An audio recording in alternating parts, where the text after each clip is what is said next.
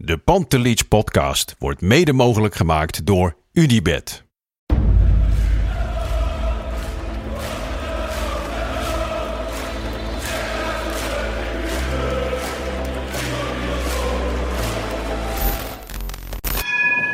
For me, they can have just lot of goals, lot of fun, and some some other things. 5-0 wordt het in Amsterdam.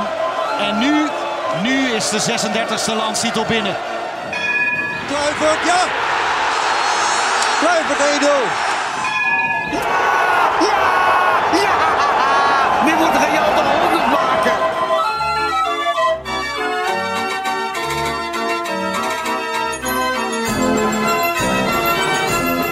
Het is dinsdag 4 april, tijd voor een nieuwe reguliere Pantelich podcast. Een Pantelich podcast waarin we gaan bespreken dat Ajax de titel definitief vaarwel heeft gezegd. We gaan het hebben over technisch directeuren. We gaan het hebben over algemeen directeuren. We gaan het hebben over Ajax 1. Kortom, veel te bespreken. Goed dat je weer kijkt en luistert.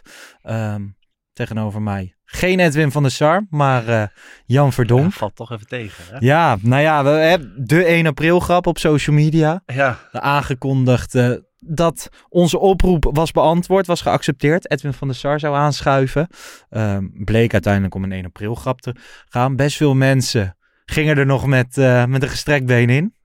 ja Kevin sprak ik hier even over. Die twijfelde ook heel eventjes een momentje. Maar Mhm. ja, het was wel op een gegeven moment snel duidelijk. Dit zou niet des Ajax zijn als die hier zou zijn aangeschoven, helaas. Nee, en dat, eh, er waren ook mensen van andere clubs. Ik zag iemand van Fortuna Sittard bijvoorbeeld reageren dat het... eh, van wat voor club je dan supporter moet zijn op het moment dat een algemeen directeur nooit met, eh, nooit met supporters praat.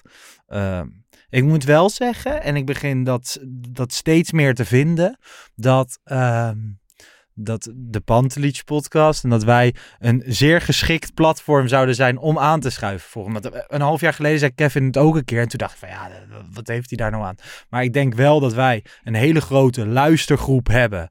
ehm, met fanatieke supporters, supporters die in het stadion zitten, supporters die andere vragen hebben dan, eh, dan journalisten dat hebben. Bijvoorbeeld laatst gaf hij een interview met Voetbal International. Ja, dan gaat het ook over de ECA en zo. Ja, dat maakt ons als supporters natuurlijk niet zo heel veel uit wat hij allemaal doet bij de ECA. En er zijn gewoon heel veel dingen die beantwoord moeten worden.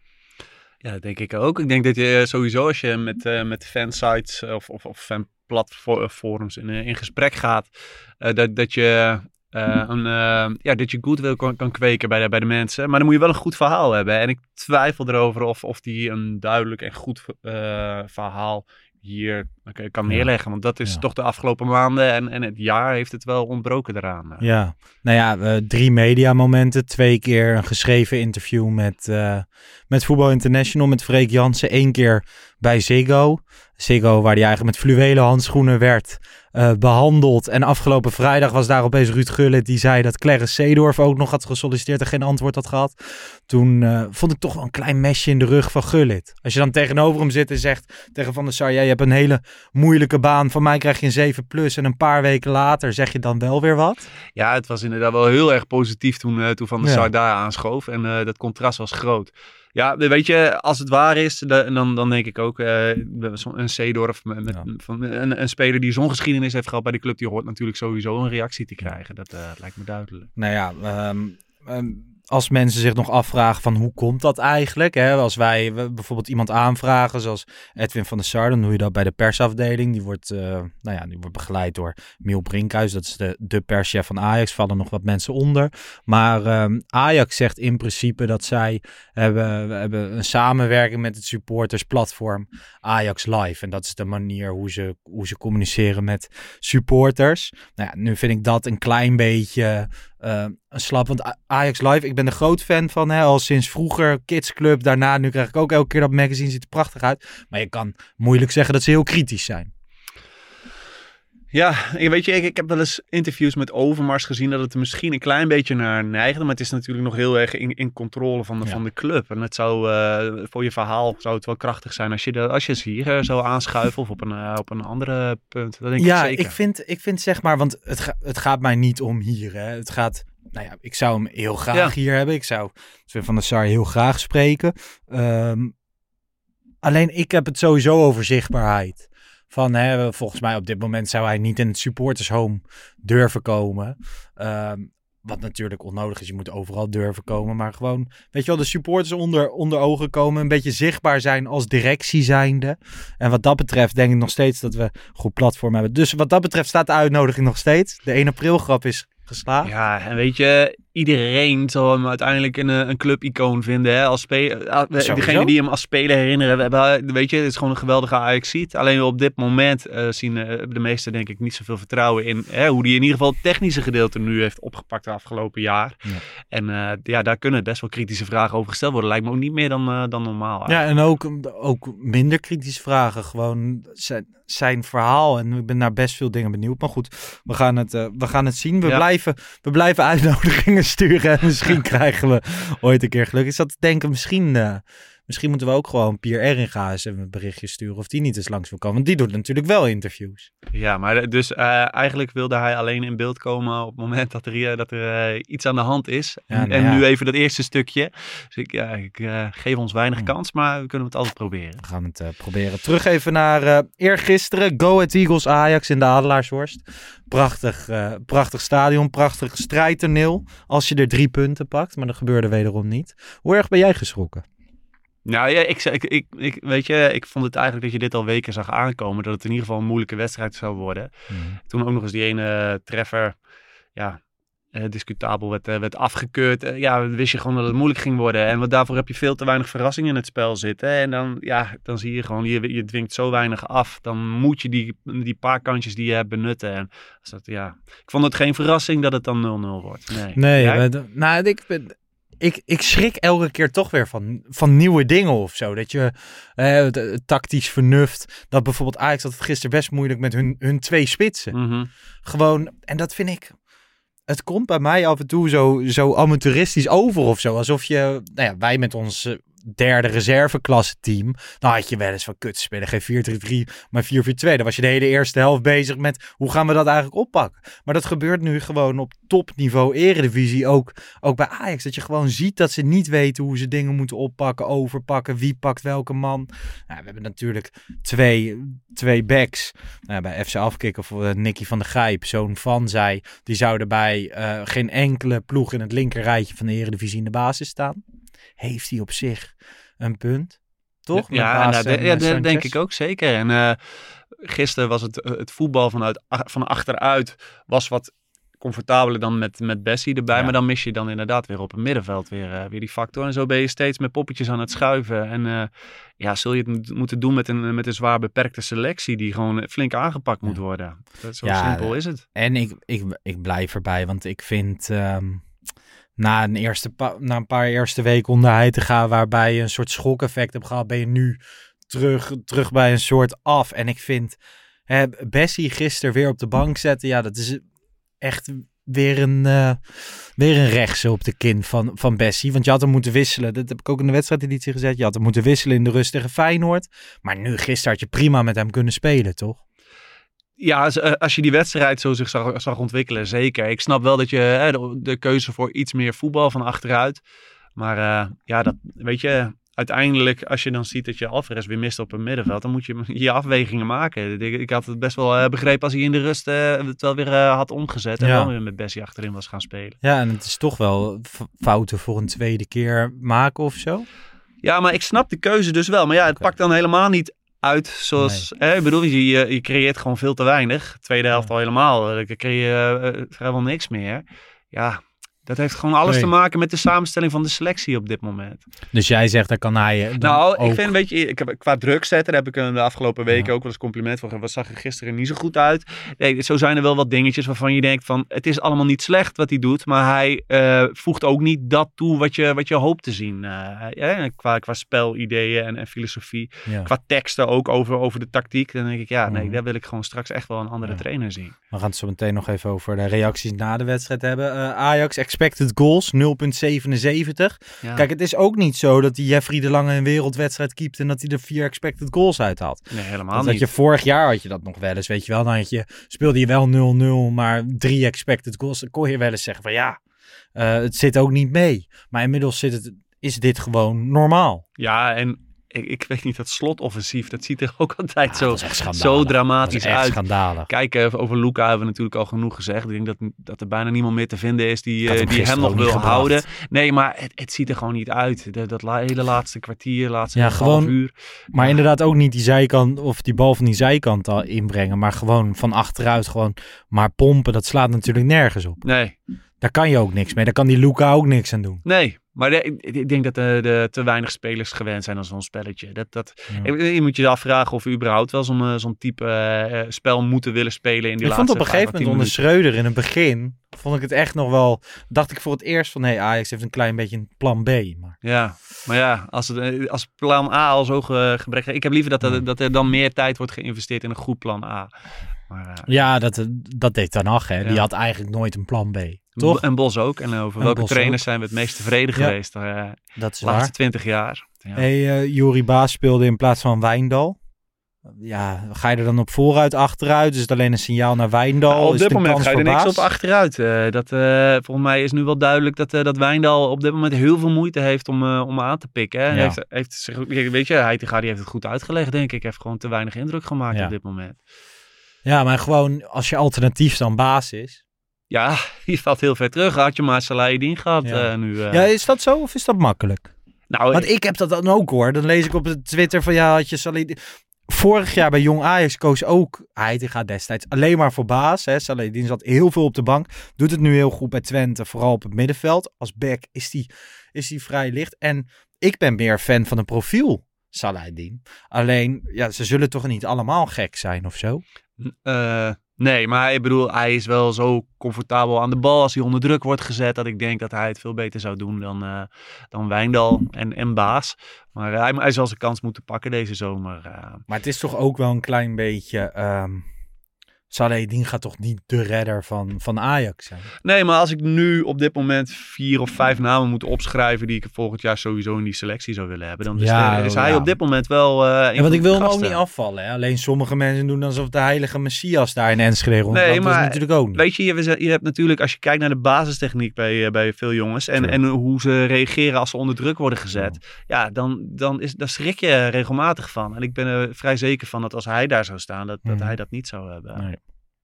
Nee, ja, ik ben benieuwd. Want hij heeft natuurlijk wel uitgesproken komend jaar de linksback van, eh, van Ajax te willen zijn.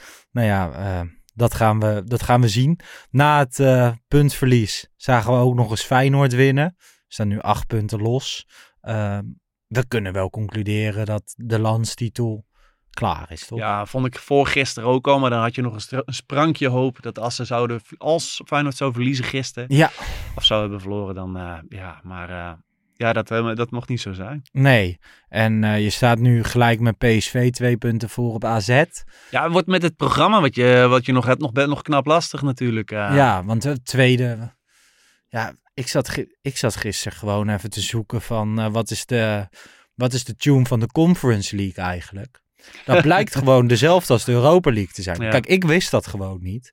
Maar misschien moeten we daar je al rustig aan beginnen te wennen. aan het oriënteren. Nou ja, weet Ja, je, ehm, rustig gaan checken. ja, nou weet ik niet of ik een per se een voorkeur heb tussen spelen in de Europa League of de Conference League. Ik bedoel, eh, qua punten voor je, voor je coëfficiënt is het misschien wel gunstiger om uiteindelijk in zo'n eh, Conference League dan eh, eh, in te stromen. Volgens mij verdien je daar echt helemaal geen geld. Nee, maar met weet de Europa League is het natuurlijk niet heel veel beter. Voor mij zijn die toernooien gewoon een beetje eh, ja, beide hetzelfde. En ik moet zeggen, ik zag vandaag een, eh, vandaag een draadje op Twitter. Een draadje heet dat dan. Ik vind dat een verschrikkelijk woord. Maar Sam van Raalt had een, een draadje over zijn trip naar Jablonec een paar jaar geleden. Het was een uitverkocht uitvak met 350 à 400 Ajaxiden. Ze speelden daar 0-0. Jablonec miste een penalty op Sillissen.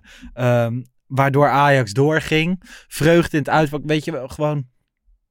We moeten niet vergeten waar we ooit vandaan zijn gekomen. En dat ook ehm, je supporterschap verandert niet met of het goed of slecht gaat. Ik bedoel, ik, ik bekommer me nu net zoveel om Ajax of misschien wel meer dan in gloriedagen. Het is even niet leuk, alles behalve. Alleen zet je ook wel weer met twee benen op de grond. Ik vond, het, ik vond dat hij het mooi zei en dat er ook gewoon... Er zitten ook hele dierbare herinneringen in dat soort ja, seizoenen. Maar je hebt ook wel gewoon een aantal seizoenen. Ik denk dat iedereen die wel heeft. Waar je misschien net een beetje bijna v- verliefd bent op de ploeg, zeg Ja. maar. Hè? Dat had ik in het jaar met dat eh Zlatan eh, eh, een- Ja. Nou ja, in, in Europa schitterde voor Ajax, Ja. waarin de kwartfinale haalde.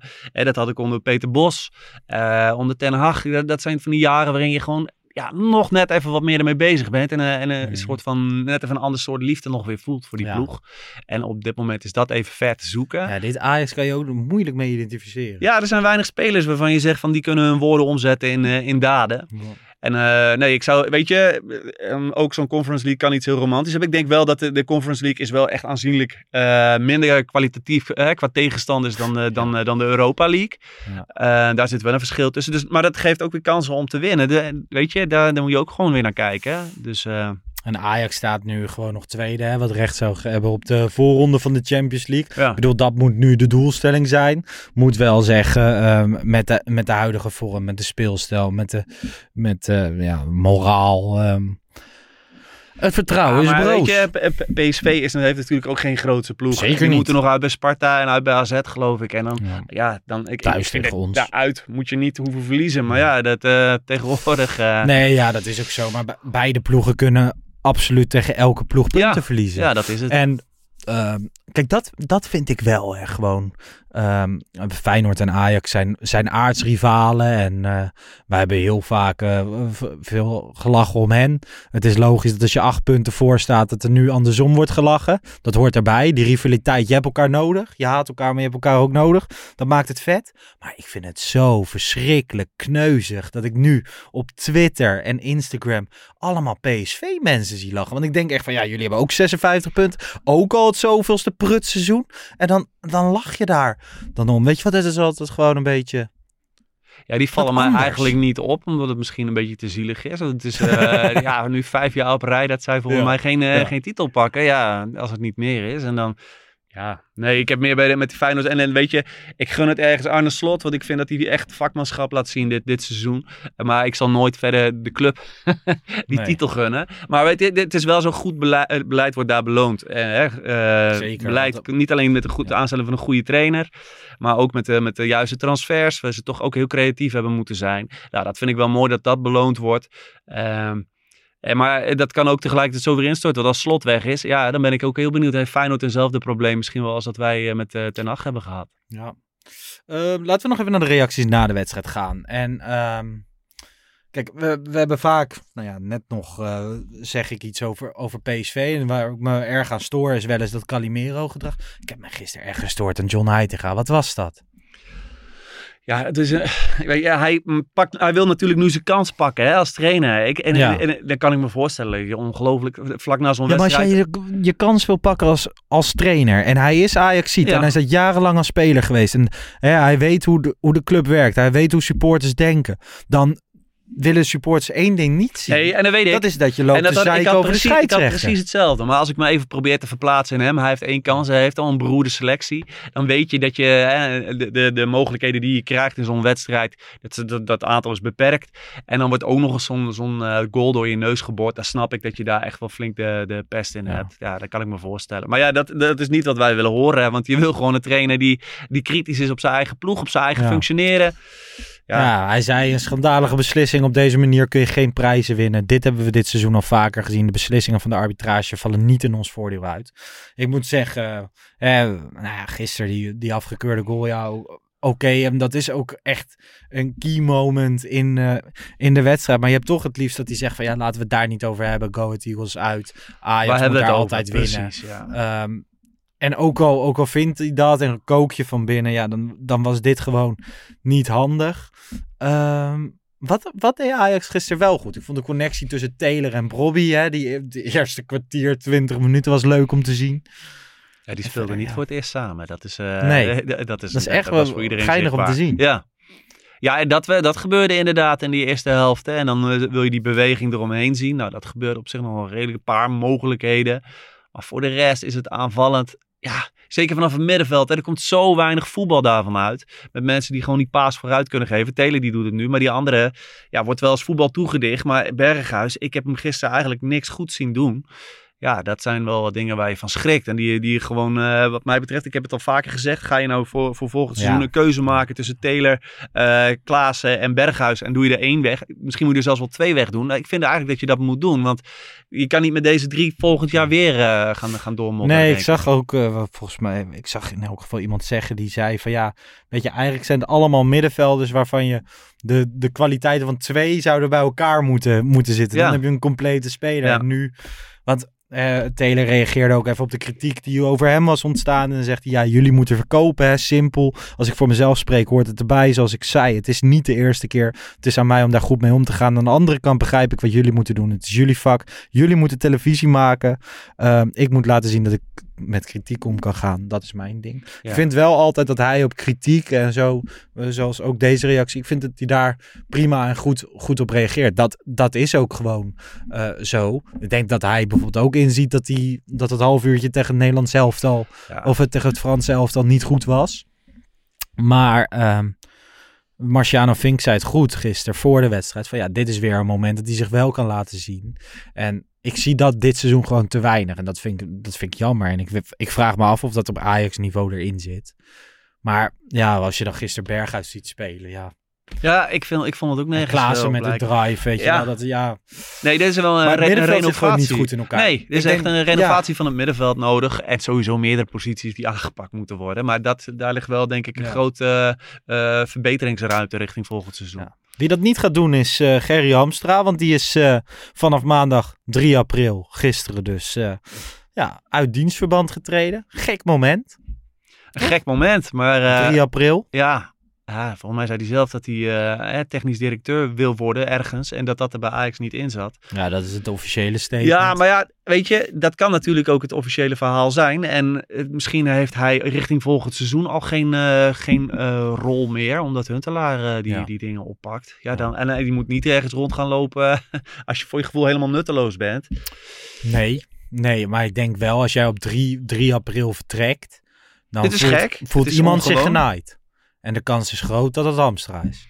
Ja, en wij hebben wel eh, volgens mij op eh, social media heeft zijn zoon ook wel bepaalde dingen gezet dat je denkt van wat is er nou allemaal achter de schermen gebeurd. Ja. Maar eh, ja, dat zullen we toch niet zo snel weten. Nee, maar kijk, weet je, gewoon dat er, dat er bijvoorbeeld dat zijn zoon inderdaad dingen op, op social media zet.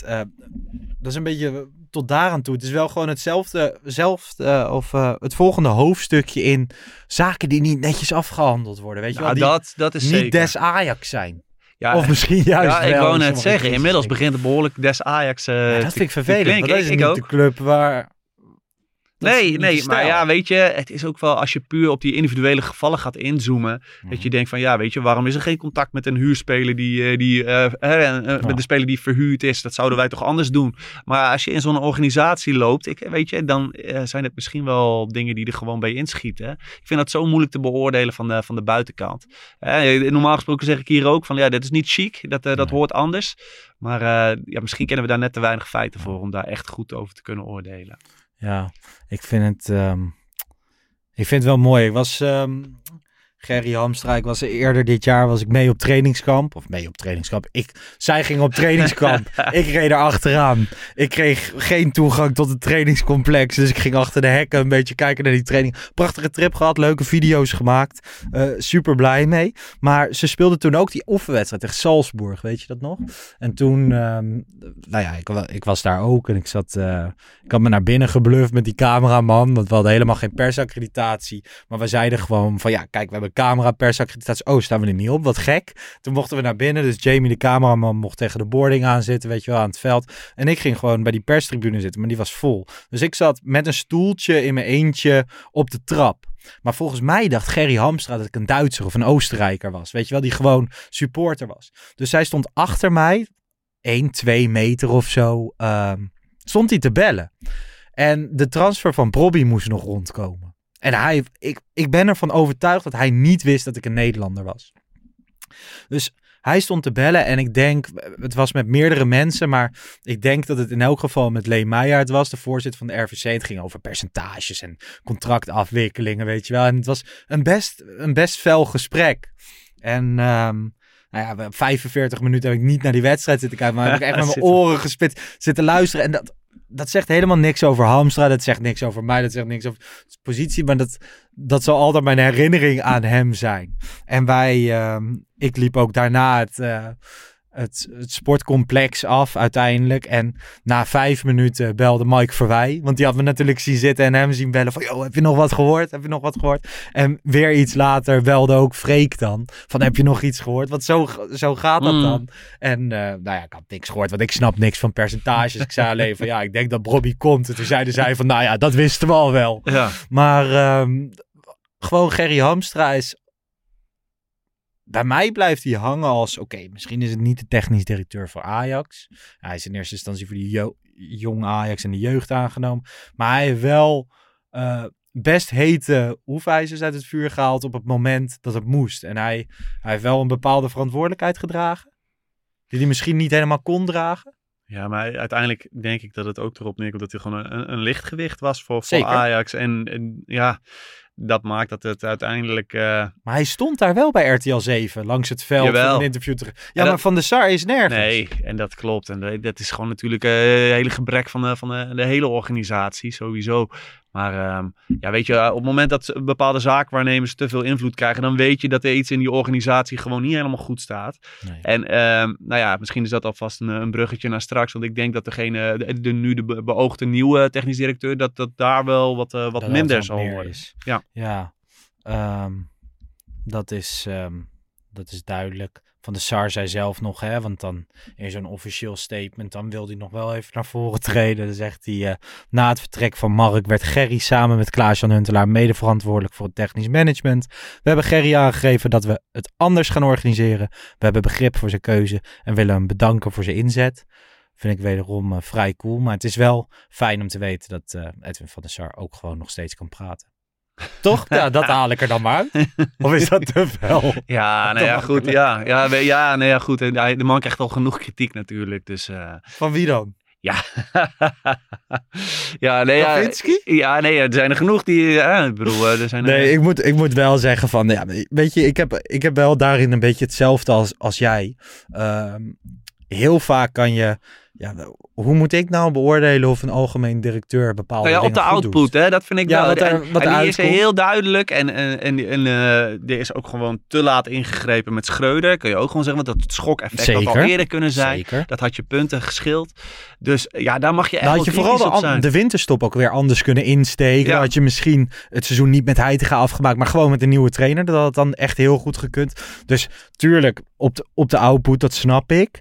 Ehm, maar er zijn ook heel veel dingen van ja, weet je, ik ga, ik ga nu niet zeggen dat afgelopen seizoen, successeizoenen allemaal door Overmars kwamen. En dat Van de Sar toen eigenlijk ook al een koekenbakker was. Dat vind ik te makkelijk. Maar goed. Nee, ja, daar ben ik met je eens. Ik bedoel, als je, als je Schreuder onder Overmars had gehad, dan was het denk ik ook niet goed gegaan. eh, eh, denk ik. Want eh, het was misschien ook wel juist goed, ondanks de organisatie. Alleen Overmars was natuurlijk een steengoede Nee, je handelaar. weet dat niet. Nee, een steengoede handelaar dat was is het. super moeilijk. En dat Ja. is gewoon zo, zo zwart-wit zal het, zal het nooit zijn. Dus daarin, hè, en, eh, en Van de Sar, en dat heb ik ook al bij Schreuder wel eens gezegd. Van, het zijn, ik geloof heus wel dat, ze, dat iedereen zijn best doet.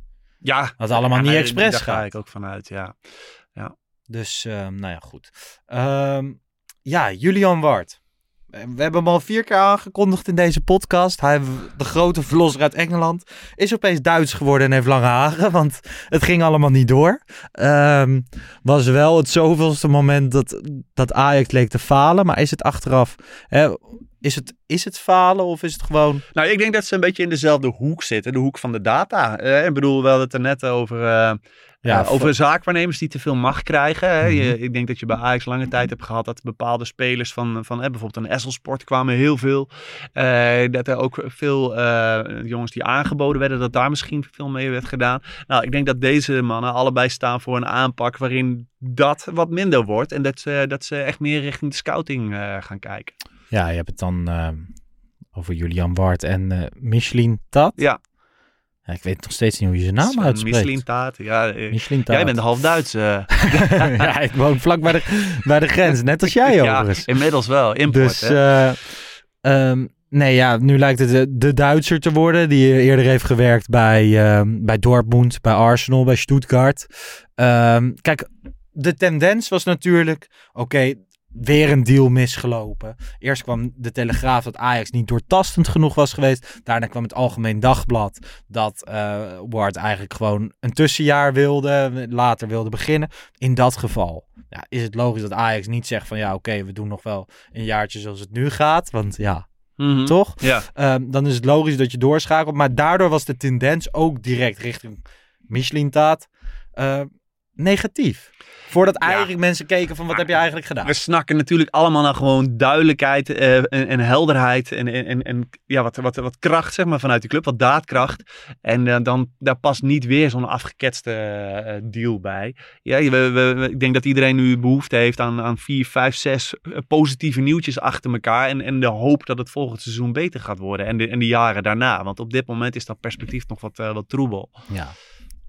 Ja, ik, eh, ik zat een beetje te kijken van oké, wat, heeft, eh, wat heeft hij allemaal gedaan? Tussen 2000 2006 en 2017 werkte hij bij Dortmund in verschillende functies.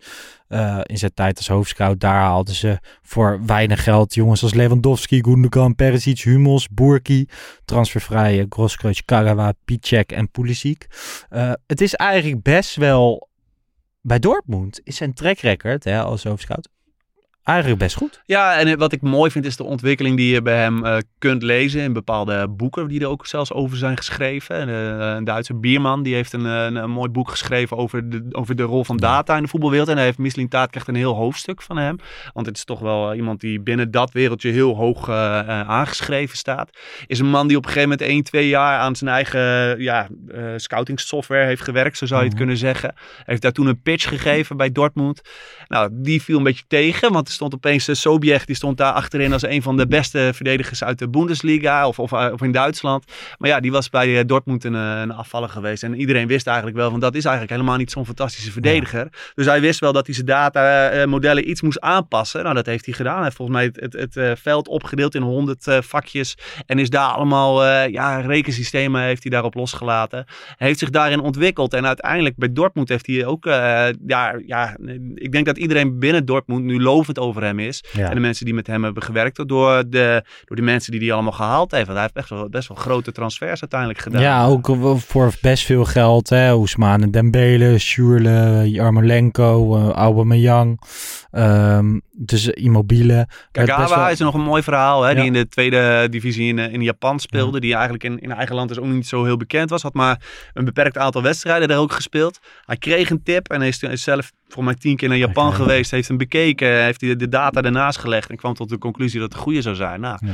Dat heeft geen windeieren gelegd. Dat uh, vertelde Pieter Visser ooit in de Core podcast. Van, uh, de, je, hebt, je hebt de data, maar je hebt ook nog je eigen ogen. En als je de mix opzoekt. Nou, dat vind ik dus mooi bij het uh, verhaal van Julian Weigel. Die die had um, gescout met de modellen. Hij zegt dan, dan op een gegeven moment gingen we kijken. En dan zie je dat vooraf aan een paas. Dat hij drie keer om zich heen kijkt en de, en de, de omgeving verkent. Hij zegt dat soort dingen zijn niet in data te vangen. Dus het is heel belangrijk om die combinatie te maken. Van ja. dat enerzijds kijken, hè, videobeelden zien, maar ook gewoon live. En die data ernaast leggen. Ja. En daar, daar zie je die ontwikkeling die hij dus daarin heeft meegemaakt. En dat vind ik wel, uh, of doorgemaakt. En dat vind ik wel, uh, wel positief. Dat, dat klinkt eigenlijk hartstikke interessant. Um, bij Arsenal zat hij dan ook maar iets meer dan een jaar. Maar daar haalde hij vooral uh, oudere spelers die hij al kende. Uh, Aubameyang wederom, uh, maar Mkhitaryan, Socrates, Guendouzi, Leno, Torreira. En um, ik sprak even met een, met een Arsenal supporter daarover. Want over die periode werd er... Uh, is de tendens wel negatief ten opzichte van zijn Dortmund carrière. Alleen ook die Arsenal supporter zei van ja, bijvoorbeeld zo'n Guendouzi, Leno, Torreira. Dat waren geen eens zo hele gekke uit aankopen, maar dat is uiteindelijk niet uitgepakt zoals je het wilde. En uh, met Aubameyang, Mkhitaryan en Socrates, ja, daar haalde die bekenden mee. Maar ja... Ja, maar je gaat ook weer naar het organisa uh, organi organisatieniveau ga je kijken eigenlijk. En toen hij werd binnengehaald, toen zat er een bepaalde directeur, die is op een gegeven moment ontslagen of opgestapt, ja. waardoor die functie die die directeur achterliet, die leeg kwam te, te komen, werd gevuld met twee mensen. En degene die het naast Mislintaat opvulde, dat was weer iemand die heel erg van zijn netwerk wilde profiteren. En die daar de tips volgde. Terwijl Mislintat staat voor een heel duidelijke data scoutings aanpak. Dus dat waren eigenlijk botsende ehm, visies. Ja, en daarop is het uiteindelijk wel stuk gelopen. Maar zo'n jongen als Gendouzi, die werd eh, opgepakt uit de, eh, uit de tweede divisie van Frankrijk. Ja. Als je nu kijkt hoeveel die waard is, is nu een veelvoud waard van waar, waarvoor hij naar Arsenal is gehaald. Ja. En ehm, ja, weet je, dus daar, daar, ook, ook met een, een van die Griekse jongens, die nu ook weer bij, bij Stuttgart nog trouwens speelt. Mhm. Die is nu ook veel meer waard dan wa- waarvoor die toen werd eh, opgepikt. Dus misschien waren er voor een aantal van die transfers nog best wat te zeggen. Maar Arsenal heeft gewoon niet duidelijk die lijn van Mislintaat willen kiezen uiteindelijk. En dat is voor hem spijtig. Nee, bij Stuttgart eh, uiteindelijk haalde hij onder meer Kobel, die afgelopen weekend Ja. gruwelijk in de fout ging als keeper van Dortmund in eh der Klassieker tegen Bayern München. Maar ook uh, Kaladzic, Ja. die twee meter lange spits, eh, afgelopen zomer nog in verband gebracht met, eh, met Ajax. Ehm, ja, ook daar redelijk gedaan. Uiteindelijk is hij vertrokken omdat hij zijn contract niet wilde verlengen. En eh, prima verkocht uiteindelijk. Kijk, heel eerlijk, als ik dan de profielen een beetje, een beetje lees en ik vind het heel moeilijk beoordelen, heb ik misschien bij die Michelin-taat nog wel een, een fijner gevoel dan bij Ward. Alleen de Zuid-Amerikaanse link ontbreekt. Ja, Zuid-Amerikaanse linker. Dat is jammer Ja, het wordt gezien echt- het beleid van de afgelopen jaren. Waarin je toch wel veel, eh, of Ja. een aantal succes eh, aankopen hebt gedaan daar. Ja, M- Mislintat heeft ook bij Stuttgart weer. Bij Stuttgart, ja, als je ehm fan-commentaren leest van voor de periode dat hij binnenkwam. Was, het schijnt toch wel een politiek bolwerk te zijn geweest. Waarin er veel geclashed is in die, die club tussen bepaalde stromingen. Hij kwam daar terecht en heeft daar ook wel last van gehad. Ehm, de- dat is, heeft medegeleid uiteindelijk tot zijn vertrek. Maar er waren wel, eh, er is er nog een petitie geweest vanuit supporters. Waar 12.000 mensen die hebben ondertekend om, in de hoop dat hij zou blijven. Nou, dat is niet gelukt. Maar hij stapt dus nu wel weer een organisatie binnen die ook wel, eh, ja... eh, niet Ja. een heel duidelijke visie. Dus alles valt of staat. Ik, ik geloof heel erg dat Mislintaat eh duidelijke kwaliteiten heeft. Maar hoe ga je dat hè, in die organisatie zo zetten dat iedereen de neus dezelfde kant op heeft? Ja. Want dan kan je heel veel aan hem hebben. Maar hij moet niet weer in allerlei politieke strijdjes terechtkomen. Dan denk ik dat hij snel op de club is uitgekeken. Ja, en ehm, gewoon, daar heb ik ook wel vraagtekens bij. En ik weet dat er veel meer mensen dat hebben. Van ja, als je iemand zo van buitenaf haalt. Het Ajax-DNA, het, het Ajax-spelletje, de jeugdopleiding. Gewoon, eh, hoe snel heb je dat in de vingers? Hoe, hoe erg kan je daarmee conformeren en zo? Nou dat ja, vind ik wel hij, bijzonder. hij staat wel echt voor, eh, voor jong talent binnenhalen. En, dat, True. en da- wa- waar die groeipotentie in zit. Dus in die zin past hij gewoon hartstikke goed bij de club, denk ik. Plus hij moet gaan wonen in dat schooltje op de toekomst. Om de eerste paar maanden. Gewoon om alles te zien wat daar gebeurt. Ja, Toch? ja. Dan gewoon naast Kevin gaan zitten op die tribune daar. En Ja. dan gewoon als je de hele dag met Kevin gaat keuvelen over de spits van onder de negen en zo. Dan weet je zo wie, wie er allemaal speelt. Maar nee, maar dat lijkt me ook lastig. Want je komt wel in een club waar niet alleen overwinningen worden verwacht. Er wordt meer verwacht. Ja, en dat is natuurlijk ook het spannende. Hè? Ik bedoel, hij komt binnen straks en eh, zal toch... Ik neem aan mensen die binnenkomen. Je, hebt meestal toch eventjes een periode nodig om eventjes kennis te maken en, eh, en, en alle lijnen helder te krijgen. Ja, ik denk dat er van hem al meteen heel veel initiatief wordt verwacht. Dus ik ben benieuwd hè, binnen de Ja. scouting van Ajax, hoe hij ontvangen wordt, hoe ze over hem denken. Zitten daar elementen die je toch niet helemaal zien zitten? Dan moet je die misschien, die er misschien maar gewoon keihard uitwerken. Hè? Zodat je in ieder geval een team hebt wat dezelfde, eh, dezelfde visie heeft, dezelfde kant op kijkt. Ja, en ehm, nou ja, Peter Bos. Die eh, gaat niet naar FC Twente, of daar lijkt het tenminste op. Die schuift vanavond, hè, wij nemen dit op op maandagavond. Over 20 minuten schuift hij aan bij, eh, bij Rondo. Eh, direct wordt zijn naam genoemd. Heeft samen met hem gewerkt bij, bij Dortmund. Ehm, en alhoewel ik daar nooit een, per se een voorstander van was, is hij nu wel voor mij ehm, een Nederlandse trainer met een duidelijke speelstijl. Die bij Ajax nou ja, een goed seizoen heeft, heeft gekend. En ik word daar dan wel wat positiever over. Want straks komt er ook nog een trainer die helemaal niks met Ajax heeft. Ja, kijk, wij zijn nu niet meer het Ajax dat net eh, in de, in de eh, achtste finale van de Champions League is uitgeschakeld. Wij zijn nu het, het Ajax dat heel veel moeite eh, heeft om überhaupt Cha- Champions League voorronde te halen. En misschien wel in de Conference League gaat instromen. Ja. Ja, eigenlijk zijn we dus weer teruggeworpen naar de periode voor Peter Bos, zou je Mhm. kunnen zeggen. Ja, ik was toen on- ontzettend blij met, met Bos. In ieder geval een man met uitstraling, met een bepaalde visie. Hè, een Cruijff-adept zou je kunnen zeggen qua, qua speelwijze. Ja, ik, ik zou nu echt meteen ervoor tekenen. Heel graag zou ik hem zien komen. Ehm, ik heb hetzelfde. We gaan dat Ziggo-interview een beetje afwachten. We gaan kijken hoe zich dat allemaal ontwikkelt. Laten wij eh, naar het allerleukste onderdeel van deze podcast gaan. Rugnummer roulette.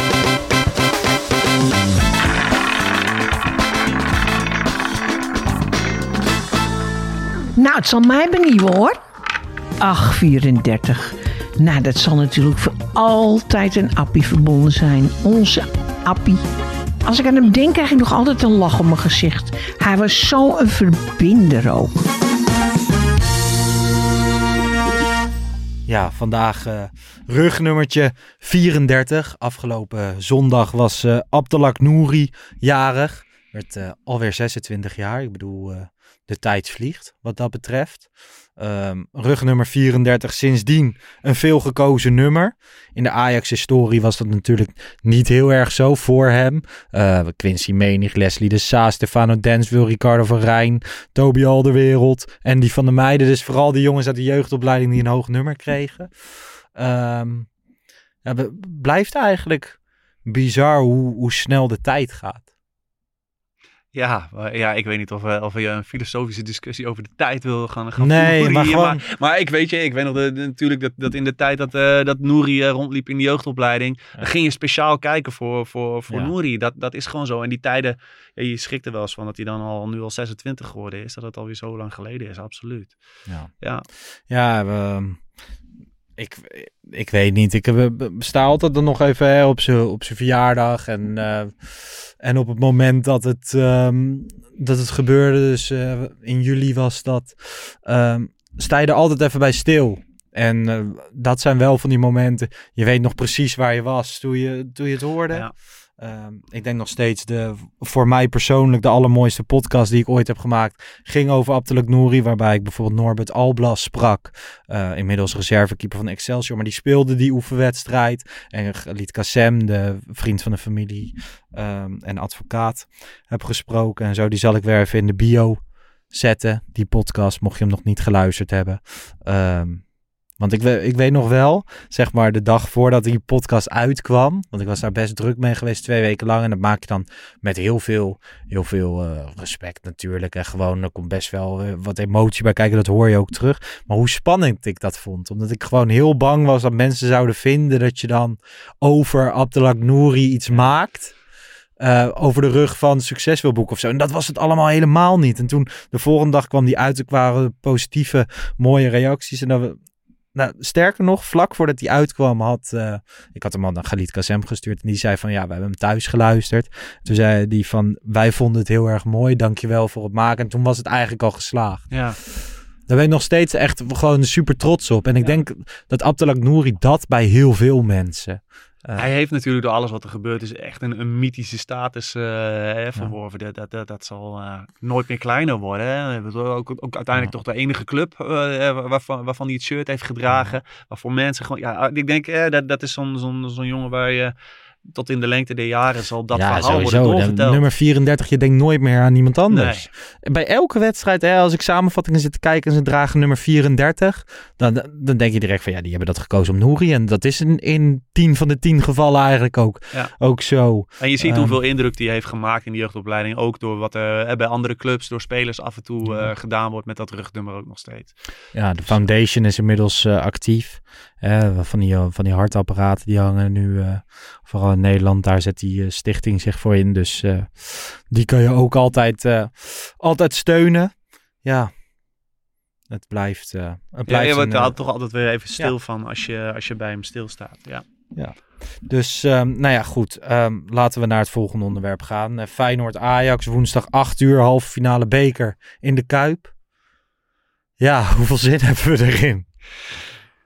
Ja, weet je, ik vind het altijd een leuk potje gewoon. Alleen, eh, het is, je kunt niet zeggen dat we daar heel veel vertrouwen in hebben eh, nu. En eh, plus, wat deze valt er te winnen? Ja, ik snap een finale plek. Nou, weet je, eh, ik vind dat hele bekertoernooi, zeg ik wel vaker, dat ik eh, vind het terecht als, als trainers daar eh, af en toe een B-keuze naar sturen. Hè. Ik bedoel, er zijn belangrijkere wedstrijden. Mhm. Maar ik heb altijd wel op die finale dag dat ik denk van ja, weet je, door het hele sfeertje wat je dan ziet, dat je er wel graag bij wil zijn. Dat. Afgelopen, afgelopen jaar met, de- met de Ajax PSV was dat ook. Maar het is vooral een, een toevoeging op, Ja, een bekroning ja op het, dit is geen op het kampioenschap. Ja, precies. Als nu, als nu die beker wordt gewonnen, is je seizoen absoluut niet geslaagd. Nee. Dat is no way. Nee, en het, het is dan. Ik weet niet zo goed hoe ik er naar kijk. Want kijk, st- stel je wint. Stel je wint, dan, eh, nou ja, we- dan kan je bijna niet echt, echt blij zijn. Want ja, we- iedere, iedere Feyenoorder zegt van ja, we- lekker boeien die, die beker. Wij staan nog in Europa, we worden straks kampioen. Weet je wel, dus, dus dat kan niet. Ehm, als je verliest, nou ja, dat is misschien het voordeel. Veel erger wordt het niet. Ja, dan heb je dat ook verloren. Ik bedoel, de klap zal minder hard zijn dan twee weken geleden. Ja, dat denk ik ook. In het beste scenario, alleen ik denk niet helemaal dat wij de club daarnaar zijn, maar in het beste scenario win je 6-2 en kan je volgend jaar commentaar geven op de open dag van die wedstrijd. Hè? Dan kunnen we met z'n allen. Ja. Ja, want eh, ik, ik kan me nog wel wat. Eh, ik, ik, het is natuurlijk zijn er niet heel veel kampioensjaren van Feyenoord geweest de Nee. afgelopen decennia. Maar eh, die keer dat ze eind jaren negentig kampioen werden, toen, eh, toen won Ajax thuis 6-0 van ze, geloof ik. Nou ja, volgens mij tijdens het vorige kampioensjaar van Feyenoord zijn er ook overwinningen geweest. Dus dan kan je altijd daar nog naar verwijzen. Maar dit seizoen valt er weinig te verwijzen. Ja. Dus ik hoop dat de Ajax dan nu deze reden gaat, Ja, gaat ja. Of die, Ja, Ja. wat dat betreft is dat inderdaad zo. In 2019 speelde Ajax natuurlijk eh, ook in de halve finale beker in de Kuip. Toen won Ajax met 3-0. Onder andere dat doelpunt eh, van Donny van der Beek, die even zijn shirt liet Ja, zien. Hè? ja. Zij zeggen ook dingen. Ehm, iconische foto met een iconisch shirt. Ehm, ja, ik, ik moet zeggen, ik bedoel, eh, na, na eergisteren, na die wedstrijd tegen Go Eagles, het vertrouwen, vertrouwen is broos, maar dan hebben we een oplossing. Want ik dacht, laten we even Christian Visser vragen hoe hij erover denkt. Met welk gevoel kijk je er naartoe? Ja, wat denk je? Vol- Brani? Vol vertrouwen? Ja, tuurlijk. Ik bedoel, moet je je voorstellen. Je laat mij nu een fles whisky opdrinken. Mhm. Vervolgens val ik van een ladder af en dan sla je me vijf keer met een steen op mijn hoofd. En dan Ja. gaan we schaken en dan wordt het remise. Denk jij dat als ik dan een hal- half jaar later weer tegen je schaak, dat ik dan niet win? ik bedoel, als ze in het aller... Ze hebben Ajax in het aller, aller, aller slechtste moment van de afgelopen twintig jaar zijn ze ze tegengekomen. en ze hebben gewoon minder kansen gecreëerd in die wedstrijd dan Ajax, hè? Ik bedoel, ze voetbalden gewoon tegen een kreupelen. Ja, dit, ik kan me echt geen, niet voorstellen dat Ajax die wedstrijd niet wint. Echt niet. Ja, het iconische moment met Christian Visser is nog maar drie weken geleden. Toen zei hij van, ik kan me niet voorstellen dat Ajax verliest. En eh, nou ja, die, dit fragment is heel veel gedeeld op social media. Hij heeft op TikTok onwijs goed gescoord. Op Instagram goed gescoord. Heeft eh, de Dik voor elkaar podcast tot twee keer toegehaald. Hè. Ehm, Leuke reacties uit- Rotterdam ook, volgens mij. veel leuke reacties uit Rotterdam. Christian kan er heel erg van genieten. En ik sprak hem vanmiddag. En hij zei, ben niks veranderd. Hij denkt dat ook over deze wedstrijd. hij kan zich niet voorstellen te verliezen. Nee, maar ik vond, het, ik vond het zo mooi met hoeveel enthousiasme en zo die dat vertelde. Maar ik vind zeg maar het contrast, want destijds zat ik er ook met vertrouwen. Ook met Brani. En als je dan ziet hoe we er nu bij zitten. Twee weken is veel in de voetbalwereld. Ja, weet je, ik vind die Brani vind ik altijd mooi, omdat het jezelf ook een soort van druk oplegt. Hè? Bedoel, Zlatan, die heeft ook jarenlang, eh, die roept hij al dat hij de beste van de wereld is. Dat, dat, dat, dat zorgt er ook voor dat je steeds weer moet presteren om, om dat maar eh, te Ja. bewijzen dat je dat bent. Maar op dit moment zou ik het niet zo snel meer durven roepen. Want ik denk maar dat twee weken geleden wel. Ja, maar deze ploeg, daarvan zie je gewoon, die is zo beperkt. Dat die, eh, je ziet te weinig kwaliteit, dat je er even vertrouwen in hebt dat ze de, die woorden dan gaan Maar jij had voor de thuiswedstrijd sowieso vertrouwen. Ja, ja ik, ik Dus, had daar, ik had hè? zeker, Ja. ja. Maar het was niet zo dat je, dat je wel even zeker wist dat we dat zouden gaan winnen. Nee. Want Maar daarvoor is die ploeg ook te beperkt. lastig aan de andere kant. Hè, bijvoorbeeld Kukcu, eh, de, de aanvoerder van Feyenoord, zegt na de wedstrijd van ja, ik snap niet eigenlijk dat zij de hele tijd hebben geroepen dat ze wel gingen winnen. Maar als jij 17 jaar niet verliest thuis van Feyenoord. ehm, als jij de afgelopen vier jaar kampioen bent. Ja, stel Feyenoord was het geweest, dat Kukcu dat ook geroepen. Dat was heel, het is Ja, logisch. tuurlijk. Kijk, en nu zijn we misschien wat realistischer. Nu, ehm, nou, wat denk je? Je hebt die grote Arne Slot factor die, die gewoon maakt dat ik denk dat ze over een hele wedstrijd gezien constanter zijn. En eh, minder fouten maken. Ja, daardoor zie ik het, eh, het somber in. Maar, Maar weet wat je, gaat hij doen? Gaat hij met Bessie spelen? Dat kan niet, toch? Dat kan je niet na die thuiswedstrijd doen. Nee, dat lijkt mij ook niet. Nee, maar, Maar ja, dan- dan, ja, moet je in het middenveld weer wat eh, gaan. Dus je komt altijd ja, of je ergens- gaat haat over de Het is wel des Ajax om jonge jongens op cruciale momenten voor de leeuwen te, te gooien. Ja. Ja, dat, ik, ik zweer het. Ik denk dat dat de enige oplossing is. Ja, en dan vond ik die uitwedstrijd eerst bij Feyenoord was ook wel... Weet je, Feyenoord heeft daar in die eerste helft toen niet zo Toen heel speelde Bessie goed. Ja, en hij, hij- Feyenoord heeft daar toen ook niet heel veel gecreëerd. Klopt. ging iets verder achteruit. Klopt. En dan moet je net die kansen benutten die je dan krijgt. En ik denk dat dat misschien nog wel de beste manier is. Ja, ja zoals in die moment, wedstrijd was, die, eh, was Ajax gewoon beter. Nou ja, die eerste helft eh, viel tegen, hè, maar Feyenoord creëerde gewoon niet zo heel veel. En als, als, dat maar, als je daar maar voor kunt zorgen, dan eh, denk ik dat je in de, in de counter, eh, ja, kun je natuurlijk altijd je kansen af gaan dwingen. Ja, daar zul je het denk ik van moeten hebben. Heb je er zin in? Ik heb altijd zin in, in Feyenoord Ajax of Ajax Feyenoord. Misschien iets minder dan eh, normaal, maar weet je, er is ook een hele periode geweest dat je je afvroeg of Feyenoord wel over de middenlijn ging komen. Ja. Ja, had je er dan zin in, dan wilde je gewoon zo afgedroogd zien worden. Maar was niet zo. Nu, nu heeft het toch een andere soort spanning dan, eh, dan we wel eens eerder hebben gezien. Ja, maar wel echt voor het eerst, zeg maar. En dat komt echt puur door wat ik net zei: van er valt zo weinig te winnen. Want als je wint, ja, oké, dan ga je naar de bekerfinale en zo, maar dat, dat is het dan ook wel. Ja, maar dan heb je wel in ieder geval nog een Dat, keertje gewonnen van, van een Feyenoord zo. dat kampioen gaat worden. En dat het ook gewoon heel erg goed doet in de Europa League. Zo moeten we dan ook uiteindelijk ook eh, eerlijk eh, in zijn. Ja. Zou de social media afdeling weer een mooi filmpje maken of dat even laten gaan dit keer? Nou, ik hoop in ieder geval dat Ajax geen DVD ervan uitbrengt als ze winnen. Want dat, Nee. eh, dat hoort toch meer in Rotterdam. Precies. Oké, ehm, wij gaan het hierbij houden. Ik denk dat we alles besproken hebben. Ik denk dat we vrij positief zijn over de technisch directeur. Denk dat we... Afhankelijk van eh, hoe het in de eh, organisatorisch eromheen wordt weggezet. Want wie heeft de keuze gemaakt voor een, een meer datagestuurde aanpak binnen Ajax? Ik hoorde pas al, de, de- de- ook binnen de, binnen de staf, de trainers, er zijn eh, wel, de rol van data is wat, eh, wat toegenomen. Ja, is dat een beweuze- bewuste keuze vanuit Ajax? Of is het echt vanuit een headhunter en eh, een, een beetje toeval geweest? Ja, dat, dat moet de toekomst uitgaan. dat is een van die vragen die, die we heel zo erg graag, aan Edwin aan van der Sar van stellen. Ja, willen stellen. zeker. Ehm, dus wees welkom in deze prachtige studio. Het is er warm, we hebben de bier, we hebben ook cola en ook water als je vertel het verhaal waar je voor staat voor de komende jaren. Waar wil je naartoe met de club? Wat voor, wat voor aanpak heb je? Wat voor ideeën zijn er Ja. technisch gezien? Ja, daar wil je graag eh, wat eh, bevredigende antwoorden eh, van, van Ja, en hebben. ook wel gewoon. Ik, ik geloof er nog steeds wel, eh, wel in dat als er. Hè, je kent nu op dit moment helemaal niet welke richting Ajax opgaat. En als, als supporters en zo wil je, wil je je ook conformeren aan een duidelijk verhaal. En, en je, je houdt van clubs die richting hebben bepaald. Het, het Ajax dat we eindelijk weer mee wilden doen in de Champions League. Precies. Daar hielden we al van vanaf het begin. Ja, Toch? ja. Dus eh, Ja. nou ja, goed. Jan, dank, eh, dank voor jouw komst. Ik vond het, eh, ik vond het eh, gezellig.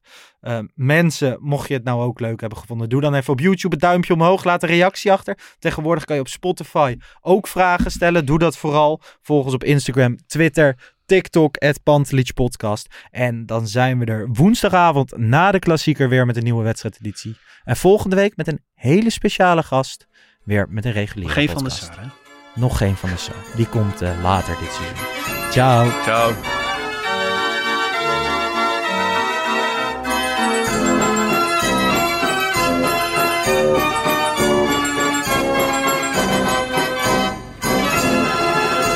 Let's go Ajax.